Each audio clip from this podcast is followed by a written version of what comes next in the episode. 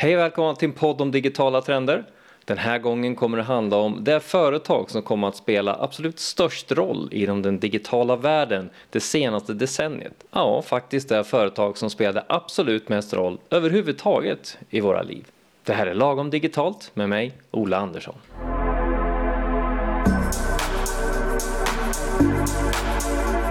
Mm, att ge sig på att peka ut vilket som är det absolut viktigaste företaget under 2010-talet är ju en ganska stor uppgift som jag har tagit på mig. Det finns ju rätt många kandidater. Vi har ju Facebook som kommer att revolutionera hela vårt sociala liv, men inte bara det utan också kommer att påverka val, kommer att påverka hur vi annonserar och marknadsför och mot slutet även hur vi faktiskt säljer saker. Vi har förstås Google som gör allt mer inom eh, sökvärlden och som dessutom plockar in allt mer funktionalitet direkt i söken för att vi ska vara mer där. Vi har Alibaba och Amazon som om inte revolutionerar så åtminstone flyttade fram positionerna ännu mer kring e-handel och även hur e-handel faktiskt fungerar offline. Vi har Tencent som äger WeChat som är Kinas största sociala plattform som har kommit bli totalt dominerande i det här landet. Inte bara på sociala sidan utan också som det verktyg man har med sig för att ja, göra det mesta här i livet. Jag skulle kunna nämna företag som Airbnb, Uber och WeWork som visade att saker som är väldigt fysiska faktiskt kan ersättas av en app. Ja, jag skulle till och med kunna ta upp ett företag som Snap som via Snapchat visa, lärde oss att kameran är en leksak och kameran är inte bara till för att dokumentera för eftervärlden utan kameran är här och nu. Kameran i mobilen är för att förstärka nuet, för att förstärka upplevelser i den fysiska världen vi just nu har. Men det alla de här företagen har gemensamt är ju trots allt att under 2010-talet så byggde hela deras ganska enorma framgångar på en enda sak. Mobilen. Och om vi pratar mobilen så finns det förstås bara ett enda företag som kan ta platsen som 2010-talets viktigaste företag. Apple. Så därför tänkte jag ägna en stund och titta tillbaka på vad det var som gjorde att Apple blev så otroligt dominerande och framgångsrika under 2010-talet och kom att påverka oss, definitivt våra uppkopplade liv så pass mycket som de gjorde. Och det kommer bli en genomgång av fyra huvudsakliga områden.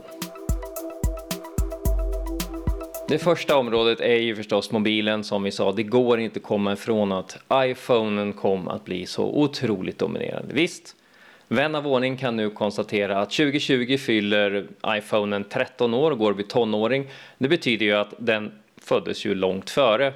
iPhonen föddes ju alltså förstås som bekant 2007, inte på 2010-talet. Men de första tre åren kan man säga var lite grann fortfarande en trevande etableringsfas där alla pusselbitar inte riktigt hade fallit på plats.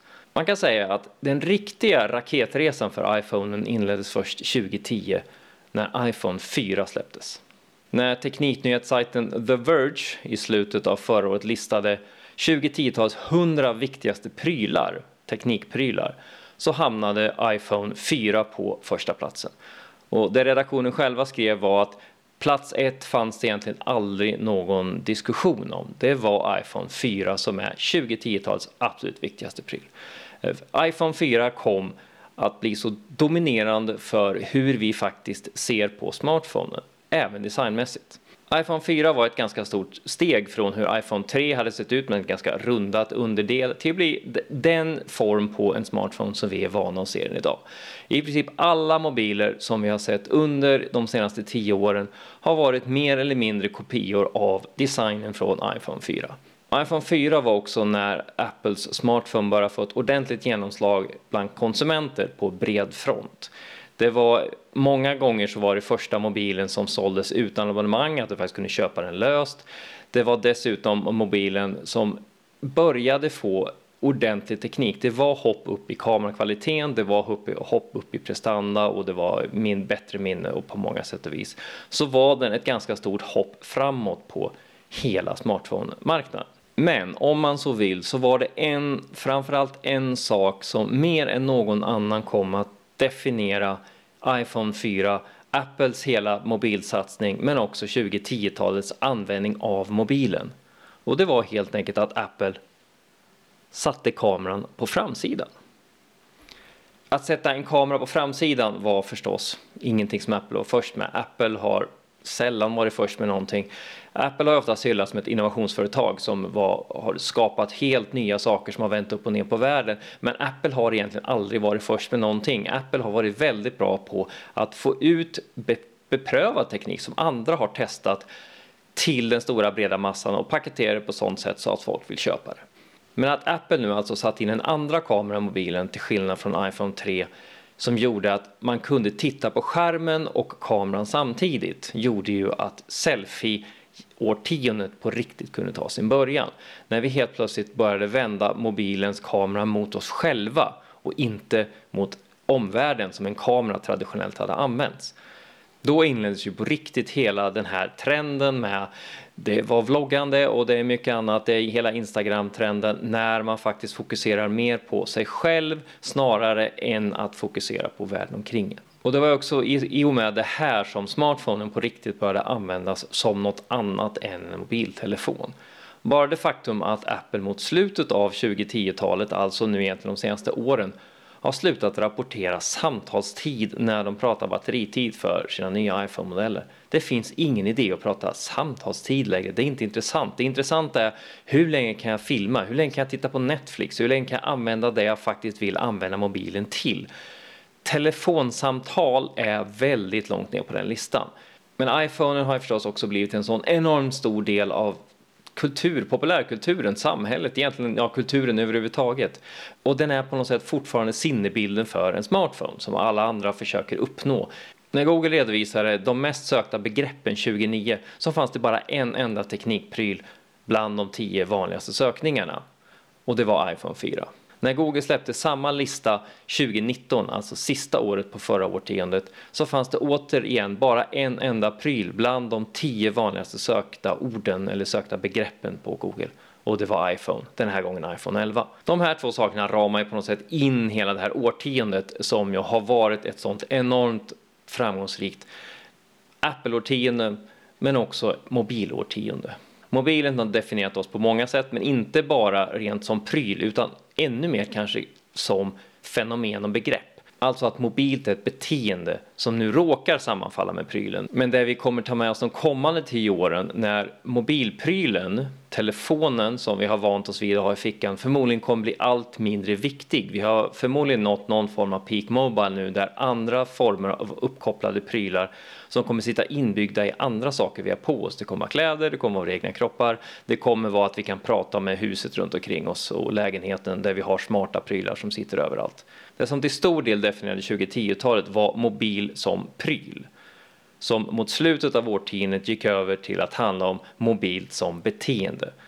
Och de kommande tio åren, och förstås ännu längre, men de kommande tio åren kommer handla ännu mer om mobilt som beteende.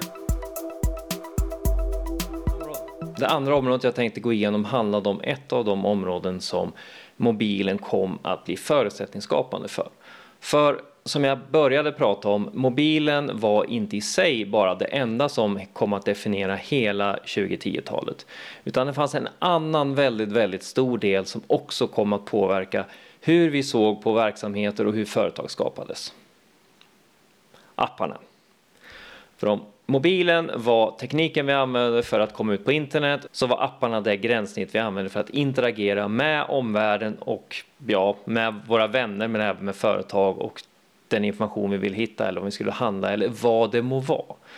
Och även här var förstås Apple de som kom att sätta hela sinnebilden av hur appar ser ut men också hur appekonomin ser ut. Apple släppte ju även här sin App Store innan 2010-talet, den kom redan 2008. Eh, Google släppte sin Google Play inte särskilt långt efteråt.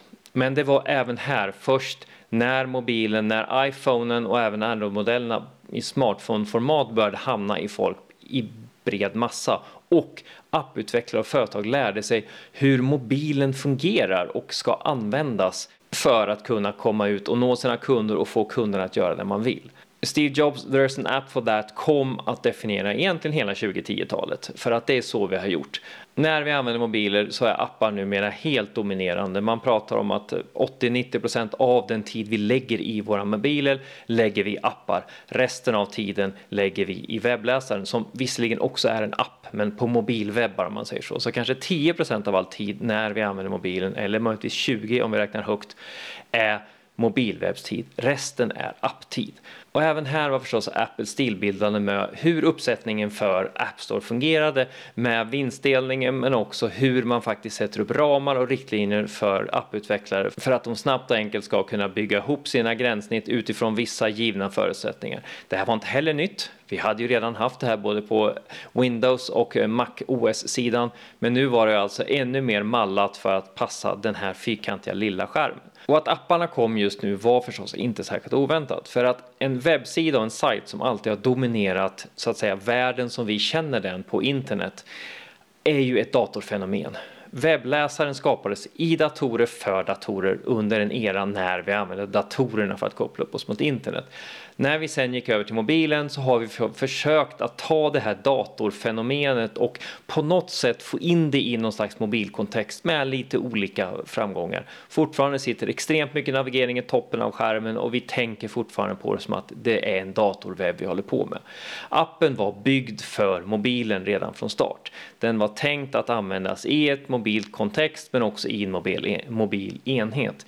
Visst, sen ska man ju säga att alla appar var ju från början inte optimala och Apples egna gränssnitt för det var inte heller optimalt från början. Det tog alla, inklusive Apple, ett par år in på 2010-talet innan allting riktigt hade fallit på plats. Men när det väl gjorde det så blev ju tillväxten förstås explosionsartad. Vi har ju använt appar som aldrig förr och kommer fortsätta det på förmodligen ett tag till, även om vi nu börjar se allt mer andra former av gränssnitt. Vi börjar se mer och mer saker som börjar födas mellan platser mellan sajter och appar. Vi kommer börja ha helt ny teknik för att koppla upp oss mot internet och gränssnitt som är helt nya. Men fram tills dess så kommer vi fortsätta använda appar i en enormt stor utsträckning. Men Apple gjorde dessutom en annan sak som kommer bli stillbildande på 2010-talet och det var hela iMessage-plattformen. Och det var egentligen två saker där. Det ena var förstås överhuvudtaget iMessage som fenomen. Det är att du behöver inte bekymra dig om om du skickar ett sms eller ett meddelande via en separat tjänst. iMessage har koll på om mottagaren du har har en iPhone, då blir det ett iMessage. Har mottagaren inte en iPhone eller inte ett Apple ID-konto, då blir det ett vanligt sms. Du behöver inte fundera på vilken teknik du använder och att du måste inte använda två olika appar för det här. Mot slutet av 2010-talet så börjar nu Google komma ikapp. Google har nu släppt stöd för motsvarande teknik på eh, Android-sidan som ju aldrig riktigt har funnits så att du ska kunna skicka sms och ja, Googles egna internchattmeddelanden på samma sätt via samma app utan att behöva fundera så mycket på är det här ett sms eller är det här ett, ett chattmeddelande. Facebook håller på med samma sak nu, eh, att titta på att integrera hela sin chattplattform, det vill säga att du ska kunna skicka ett meddelande från Instagram till någon som inte har Instagram men som har WhatsApp och den personen kan svara i WhatsApp och du tar emot Instagram. Du behöver inte fundera vilken av Facebooks olika chattappar du använder. Även här kan man garanterat tänka sig att Facebook också ser att sms ska vara en sån del som finns med så att du inte ens behöver fundera på vad det är för meddelande du skickar. Men även här var alltså Apple stilbildande. Inte heller här var Apple först rent sett till tekniken, men de var först med att förpacka den befintliga tekniken på ett sätt så att konsumenter på bred front utan att behöva fundera på vad de gör kunde börja använda tekniken, vilket gjorde att den också fick ett sånt enormt stort genomslag. I iMessage la Apple också till sina egna så att säga internappar, de som inte riktigt har fått jättesnurr än, men att du kan lägga till appar inuti iMessage som då ska kunna ge mer funktionalitet till iMessage. Exakt samma sak ser vi att WeChat i Kina har haft enormt stor framgång med via deras miniprogram.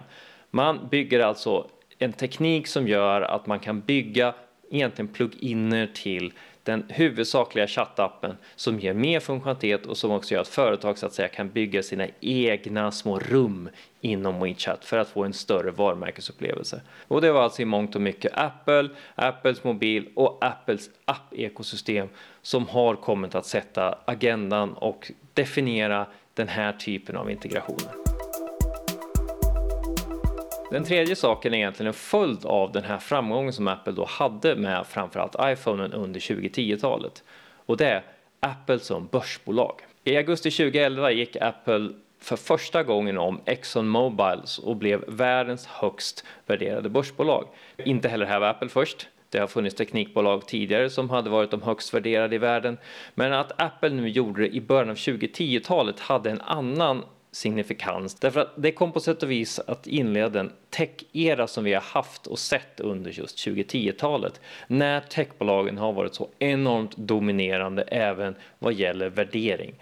Tittar man på i princip hela 2010-talet så är det techbolag som har legat i topp. Vi har Apple, vi har Microsoft, vi har Google, vi har Amazon, vi har Facebook och de kinesiska bolagen Alibaba och Tencent. De har dominerat en stor del av hela börseran som har varit sedan dess. Och i och med alla de här startupbolagen som startades under 2010-talet som ofta har tech någonstans i basen har ju kommit att lite grann förändra vad företag, ett företag kan vara värda. Vi är lite tillbaka till dotcom-bubblan i början av 2000-talet där man på sätt och vis kan vara vad som helst kan vara värt hur mycket som helst i rätt sammanhang. Även om det kanske är mycket röda siffror i botten. I och med alla de här enhörningsbolagen som sprutade upp så har också vad ett bolag, ett techbolag kan vara värt höjts till skyhöga nivåer som vi aldrig har sett innan. Och att Apple sen mot slutet av 2011-talet för första gången precis i december mot sluttimmarna av 2010-talet för första gången klev över gränsen 1,3 biljoner dollar i värdering. Alltså, tidigare hade drömgränsen som bedömdes som ouppnåelig varit 1 biljon. Nu är alltså Apple värt över 1,3 biljoner. Men en annan sak som också kom att bli lite signifikant för hela 2010-talet var att precis mot slutet av årtiondet så klev en ny spelare in och gick förbi Apple som världens högst värderade börsbolag. Det saudiarabiska oljebolaget Aracom gick in på börsen i Saudiarabien och har en värdering runt någonstans 1,8 biljoner dollar.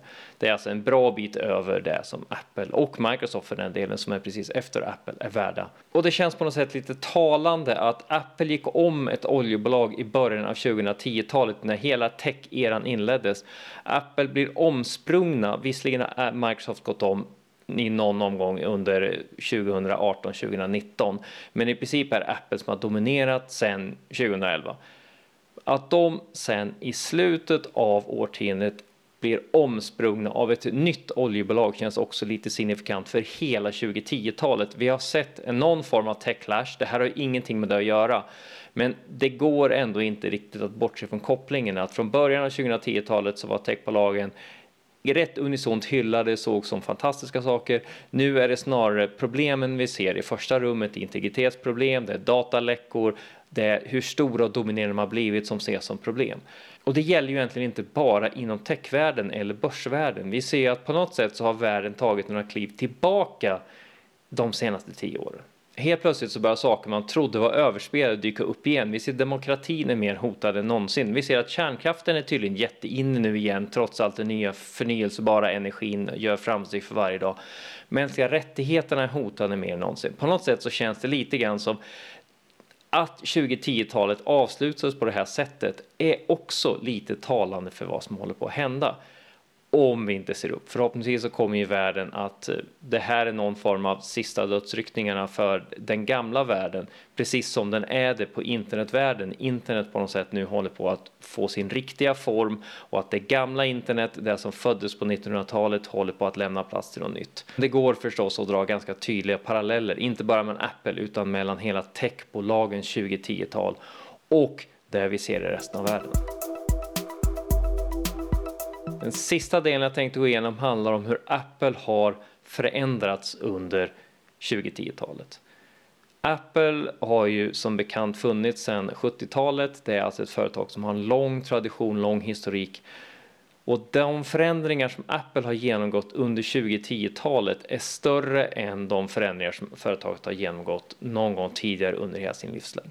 För vad som har hänt under 2010-talet är att Apple har varit i full gång egentligen från början av 2010-talet men det har eskalerat de senaste åren ställt om från det vi känner Apple som ett hårdvarubolag till ett företag som primärt fokuserar på tjänster där hårdvaran är en förutsättning för tjänsterna. Tidigare för Apple har tjänsterna varit något man har lagt in i hårdvaran för att driva försäljning av hårdvaran eller som bara förutsättning för att faktiskt driva hårdvaran. Du behöver ett operativsystem. Det vi ser nu är att Apple satsar allt mer på sina tjänster men också på att få ut sina tjänster utanför det egna Apple-ekosystemet. Det är inte så att Apple håller på att överge sitt ekosystem. Man lägger mer och mer krut på att få in användarna inom den här inmurade trädgården man byggt upp sedan starten. Men nu fokuserar man mer på att se till att tjänsterna hamnar i händerna på varenda människa snarare än hårdvaran. Sen är det förstås bra att hårdvaran också finns i händerna på varenda människa, men det är inte längre det absolut viktigaste. Vi ser också intäktsmässigt så sker ett större och större skifte mot att andra delar av Apples försäljning och intäkter kommer från annat än iPhone-försäljningen i takt med att Apples, eller hela mobilmarknaden kan man säga, håller på att gå i stå, att mobilförsäljningen håller på att minska globalt. Det är ingen slump att vi bara senaste året har fått ett antal nya Apple-tjänster som TV Plus, deras egen strömningstjänst, Arcade, deras spelplattform. Men inte bara det, Apple har dessutom hållit sin första appgala där man har hyllat och prisat de största och bästa apparna under året och de har dessutom haft sin första musikgala där man har hyllat artister som har lyckats bäst på Apple Music. Inte så att Apple inte har uppmärksammat det tidigare, men nu har man börjat göra ett event av det. Hårdvaran har man börjat släppa lite grann en uppdatering av App Store utan jättemycket väsen. Det är snart iPhonen som är det stora undantaget. Allt annat, all annan hårdvara trycker man ut utan att göra en stor grej av det. Men minsta lilla sak man gör på tjänstesidan får stor uppmärksamhet, det är press, det är evenemang, det är pressträffar. Att 2010-talet dessutom avslutades med att iTunes gick i graven som har varit någon slags själva definitionen av allting som Apple har haft i tjänstevärlden på ett enda ställe och nu ersatts av separata appar för poddar, musik, videoströmning på alla enheterna också, inte bara på iPhone utan även på MacOS. Så att nu har vi alltså ett enhetligt uppsättning av appar som är dedikerade för olika typer av innehåll. Det här är också för att göra det lättare att minska kopplingen till MacOS och iOS specifikt och göra det lättare att få ut tjänsterna på andra plattformar och i andra operativ och andra typer av enheter. Men att 2010-talet på något sätt också kommer att bli, vad ska man säga, Apples sista årtionde som hårdvarubolag eller åtminstone renodlat hårdvarubolag. Men Apple har även gjort mycket annat som kommit att påverka stora delar av världen bortom just den egna, det egna ekosystemet. En av de absolut största förändringarna man har gjort är ju att begränsa möjligheten att spåra tredjepartskakor över internet i Safari. Det var Apple också, inte heller först. De, det fanns andra mindre webbläsare som har börjat med samma sak. Men när Apple gör det så får det ett mycket större genomslag. Vilket gör att någonting, en själv bas i själva marknadsföringen som vi har sett under, ja, så länge internet har funnits, möjligheten att följa användare över internet för att därmed kunna bygga upp profiler och rikta annonser börjar nu bli allt svårare. På samma sätt som att Apple också allt mindre samlar in information om användarna. Det har varit Apples lite signum att de har suttit på sin pedestal och sagt att vi samlar inte information om våra användare som Google gör. Det här gör att det kommande årtiondet och framöver kommer vi förmodligen se mindre möjlighet att spåra användare på det här sättet, men det kommer också bli allt mindre personlig, personlig data i personaliserad kommunikation. Det vill säga att man kommer alltså börja använda andra saker än ren personlig information man sitter på. Google har redan börjat med det här att försöka att veta vem du är utan att behöva veta särskilt mycket om dig därför att man vet att du gör det här och det här, du kommer förmodligen göra det här. Vi kommer alltså se en helt ny form av plattform för marknadsföring och då pratar vi inte bara de stora plattformarna utan vi pratar om plattformar överhuvudtaget med hur marknadsföring fungerar att man kommer behöva ställa om och tänka på andra sätt. Här har Apple varit ett av de absolut mest drivande företagen till inte minst Googles förtret, men de andra företagen börjar nu förlika sig med att vi måste också göra det här. Det här är en följd av både Apples satsning och hela integritetsdiskussionen. I och med att Apple har kunnat vifta med integritetsflaggan så har de andra också känt att vi måste göra det här, annars känns vi lite som the bad guys. Och sist men inte minst, mot slutet av 2019 så meddelade även världens största porrsajt Pornhub att iOS numera är den största plattformen som, de använd, som används för deras tjänster.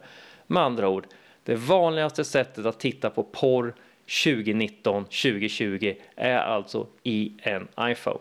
Kanske inte det sätt man helst vill bli ihågkommen i historieböckerna, men det är på något sätt också så otroligt talande för vilken enormt genomslag mobilen, Apple, iOS har fått under 2010-talet och blivit så totalt dominerade i våra uppkopplade liv trots att de har en sån förhållandevis liten marknadsandel på mobilsidan. Ja, där har ni dem. Mina tankar om varför Apple är 2010-talets viktigaste och mest inflytelserika företag. Och då inte bara här, utan även i länder som Kina där man tänker att Apple och Google är långt ifrån det vill säga det som är de stora kärnföretagen där. Men även där så är mobilen där och ännu mer där egentligen är mobilen det som är totalt dominerande. Och utan Apple så hade inte heller den världen sett likadan ut hos dem. Det var allt för den här gången. Du kan som vanligt följa mig på Youtube eller lyssna på min podd Lagom Digitalt som finns där poddar finns. Du kan även följa mig på LinkedIn eller se min sajt olaandersson.nu. Tack och hej!